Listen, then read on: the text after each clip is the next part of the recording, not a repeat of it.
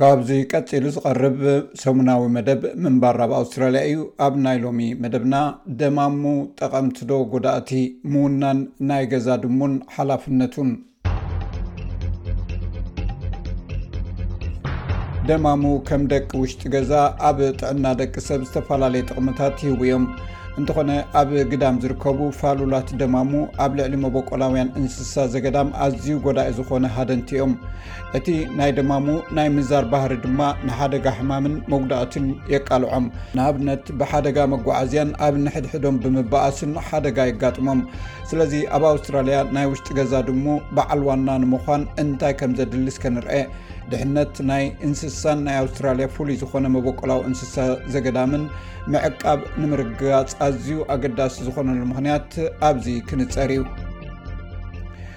ድሙ ኣብ ምሉእ ዓለም ኣብ ዝርከብ ባህልታት ኣብ ፅውፅዋያት ግብፂ ዝውቱራት ኣብ ከም ናይ ኣሜሪካ ኣሜሪካን ሌዚ ካርቱን ካት ጋሪፊልድ ዝኣመሰሉ ገፀ ባህርያት ብመልክዕ ስእሊ ይግለፁ ክሳብ እቲ ናይ ጃፓን ክስተት ሄሎ ኪቲ ዝንፀባርቑ ድንቂ እንስሳ እዮም። ብዘይካቲ ኣብ ኣንታርክቲካ ኣብ ኣውስትራልያ እቲ ኣብ ዓለም መበቆላዊ ዘርኢ ድሙ ዘይብላ እንኮ ኣህጉር እያ። እንተኾነ ሓደ ሲሶ ካብ ኣብ ኣውስትራልያ ዝርከቡ ናይ ውሽጢ ገዛ እንስሳ ድሙ እዩ። ልዕሊ ሓሙሽተ ነጥቢ ሰለስተ ሚልዮን ዝኾኑ ደማሙ ድማ ኣለዉ። ይኹን እምበር ደማሙ ብተፈጥሮም ሃደንቲ ስለ ዝኾኑ እቶም ኣብ ግዳም ዝርከቡ ደማሙ ንከም ኣዕዋፍን ንጠበቓትን ንዕንቁርዖብን ኣብ ንኣሽቱ ከተማታት ሕርሽታታት ዝርከቡ እንቁርዖብ ሓደጋ የስዕቡ። ተመራመርቲ ከም ዝግምትዎ ነፍሲ ወከፍ ዘዋሪ ድሙ ኣብ ዓመት ኣስታት ሚእትን ሰማንያን ሽዱሽተን እንስሳታት ይቐትል። መብዛሕትኡ ግዜ ድማ ዋናታት ናይቶም ደማሙ ነዚ ኣየስተብህልዎን እዮም። ኣብ ርእሲ እቲ ደማሙ ኣብ ህይወት ዘገዳም ኣውስትራልያ ዘሕድሮ ጽልዋ፣ ብሚልዮናት ዝቝጸሩ ፌራል ደማሙ እውን ኣብ መላእ ኣውስትራልያ ዝዞሩ ኣለዉ። ሳራ ሌጅ ኣብ ዩኒቨርሲቲ ቻርለስ ዳርዊን ፕሮፌሰር ሓለዋ ህይወት ዘገዳም ከምኡውን ኣባል ቤት ምኽሪ ብዙሕነት ህይወት እያ። ኣብ ኣውስትራልያ ንዝሓለፈ ሰላሳ ዓመታት ብዛዕባ ምዕቃብ ማይን ሓመድን ዝምልከት ጕዳያት ሰሪሓ እያ።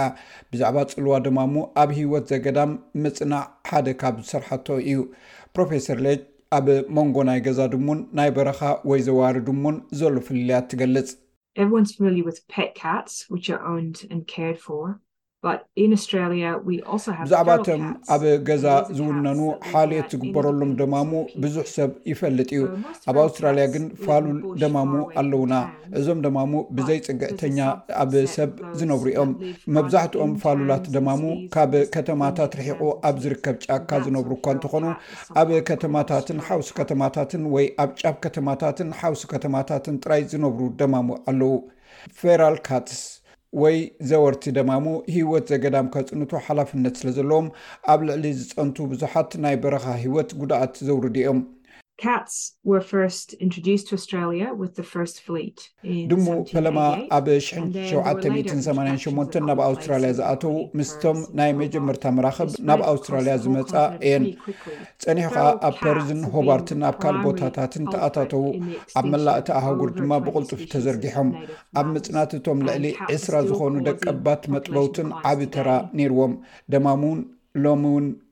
እንተኾነ ብዝሒ ናይዞም ከምዚኦም ዝበሉ ተፈጥሮ ኣብ ምጽናት ዓቢ ግደ ዝጻወቱ እዮም።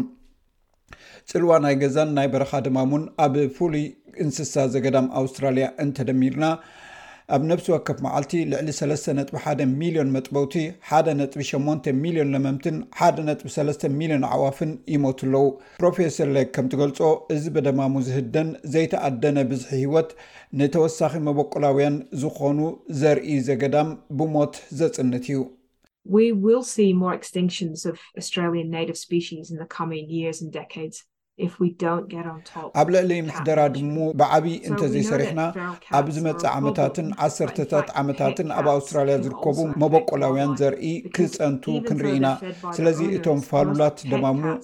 ፀገም ከም ዝኾኑ ንፈልጥ ኢና ከም ሓቂ ግና ናይ ገዛ ደማሙ እውን ኣብ ሂወታውያን ዘገዳም ፅልዋ ኣለዎም ምክንያቱ መብዛሕትኦም ናይ ገዛ ደማሙ ብዋናታቶም ዝቅለቡ እኳ እንተኾኑ ኣብ ደገ ወፂኦም ክምእረሩ ይፍቀደሎም እዩ ድሙ ብተፈጥሮኣ ሃዳኒት ስለዝኾነት ድሙ ብገምጋም ካብ ሓሙሽተ እንስሳታት ሓደ እንስሳ ቀቲላ እያ ናብ ቤት ትመፅእ ገሊኦም ደማሞ ኣብ ደገ ንዝቐተልዎ እንስሳ ናብ ገዛ ኣየምጽዎን እዮም።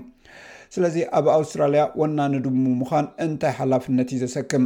ፕሮፌሰር ሌግ ናይ ገዛ ድማሙ ድሕነቶም ክሕሎን እንስሳ ዘገዳም እውን ብኣታቶም ከይጉድኡን ነብሲ ወከፍ ወናኒ ድሙ ክገብሮ ዝኽእል ሓያሎ ኣገዳሲ ተግባራት ከም ዘሎ ትገልጽ።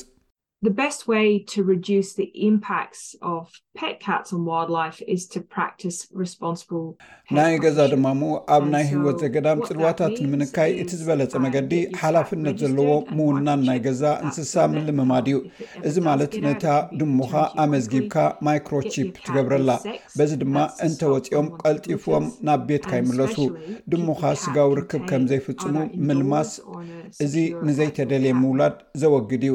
ድሙኻ ኣብ ገዛ ወይ ኣብ ውሑስ ናይ ግዳም መትሓዚ ምግባር ዘጠቓልል ስራሓት ምግባር የድሊ። ደማሙ ኣብ ቤት ጥራይ ክተሓዙ ምግባር ኣብቲ ከባቢ ዝነብሩ እንስሳ ዘገዳም ክለምዑ የኽእሎም። ሓላፍነት ዘለዎ ዋና ድሙ ምዃን ዘምጽኦ ጥቕሚ እውን ብዙሕ ምዃኑ ፕሮፌሰር ሌክ ትገልጽ። If you can do all of these things,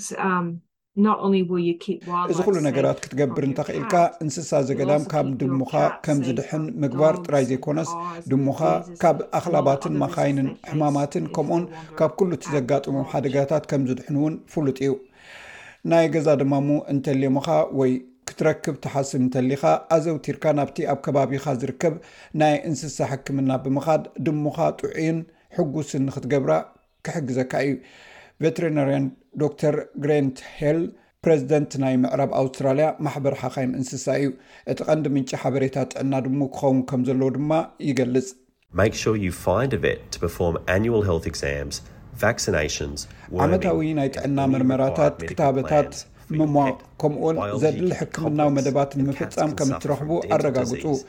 ስነ ህይወት ዝተሓላለኸ ክኸውን ይኽእል እዩ ድሞ ኸኣ ብሕማማት ስኒ ጸገም ኩሊት ጸገም ልቢ ሕማም ቅርጥማት ምምዝባል ቆርበትን ካልእን ክትሳቐ ትኽእል እያ ነዚ ሕማማት እዚ ብቕልጡፍ ኣለሊኻ ክትፈትሖ እቲ ዝበለፀ መፍትሒ እዩ ነዚ ክትገብረሉ ትኽእል ዝበለፀ መገዲ ድማ ምስ ናይ ከባቢኻ ዝርከብ ቬት ርክብ ምምስራት እዩ ዶር ሄል ሓንቲ ድሙ ኣብ ግዳም ኮይና ትዘውር እንተኾይና፣ እታ ድሙ ካብ ባእሲ፣ መጉዳእትን ሕማምን ክትሳቐ ትኽእል እያ።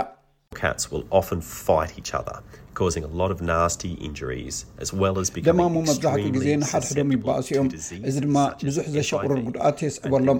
ንከም ኤፍኣይቪ ዝኣመሰለ ሕማማትን ከም ሓደጋ መጓዓዝያ ዝኣመሰለ ነገራትን ኣመና ዝተቓልዑ ይዀኑ።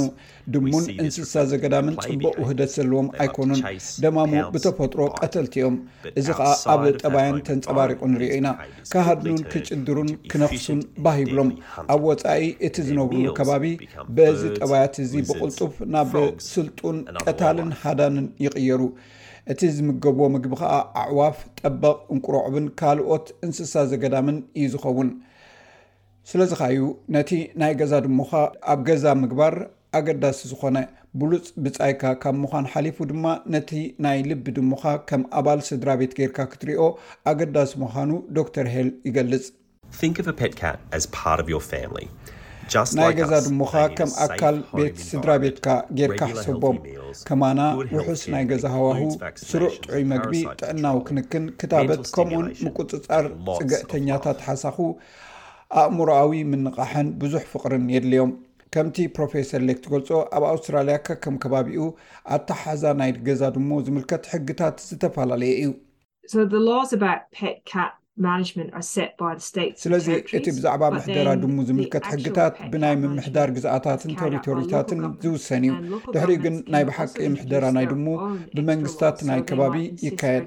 ናይ ከባቢ መንግስታት ድማ ናይ ገዛእ ርእሰን ተወሳኺ ሕግታት ከተኣታትዋ ይኽእላ እየን።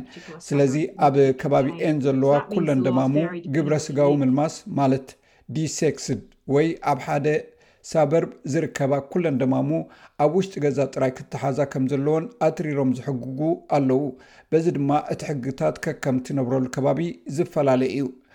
ፕሮፌሰር ሌክ ብዛዕባ እቲ ኣብ ከባቢኻ ዝርከብ ሕግታት ክትፈልጥ እትኽእለሉ ዝበለፀ መገዲ ናብ መርበብ ሓበሬታታት ካውንስላትካ ምውካስ ምዃኑ ትሕብር ሓላፍነት ዝስምዖ ወናኒ ድሙ ምዃን ብዙሕ ጥቕምታት ኣለዎ ድማ ትብል ስለዚ ኩላትና ሓላፍነት ብዝመልኦ ልምድታት ነቲ ናይ ዋንነት ናይ ገዛ እንስሳ ክንቅበሎ እንተኽኢልና ምስ ድሙና ፅቡቅ ግዜ ከነሕልፍ ንኽእል ኢና ደማሙ ኣዝን ተፈተውቲ ፍጥረት እየን ሓደ ሓደ እዋን ብዝበፅሑና ንኣሽ ጠበቃትን ከምኡውን ካሎም ኣብ ገደና ዝርከቡ እንስሳ ዘገዳም ከነስተማቅር እውን ክንክእል ኢና ማለት እዩ እዚ ምንባር ኣብ ኣውስትራልያ እዩ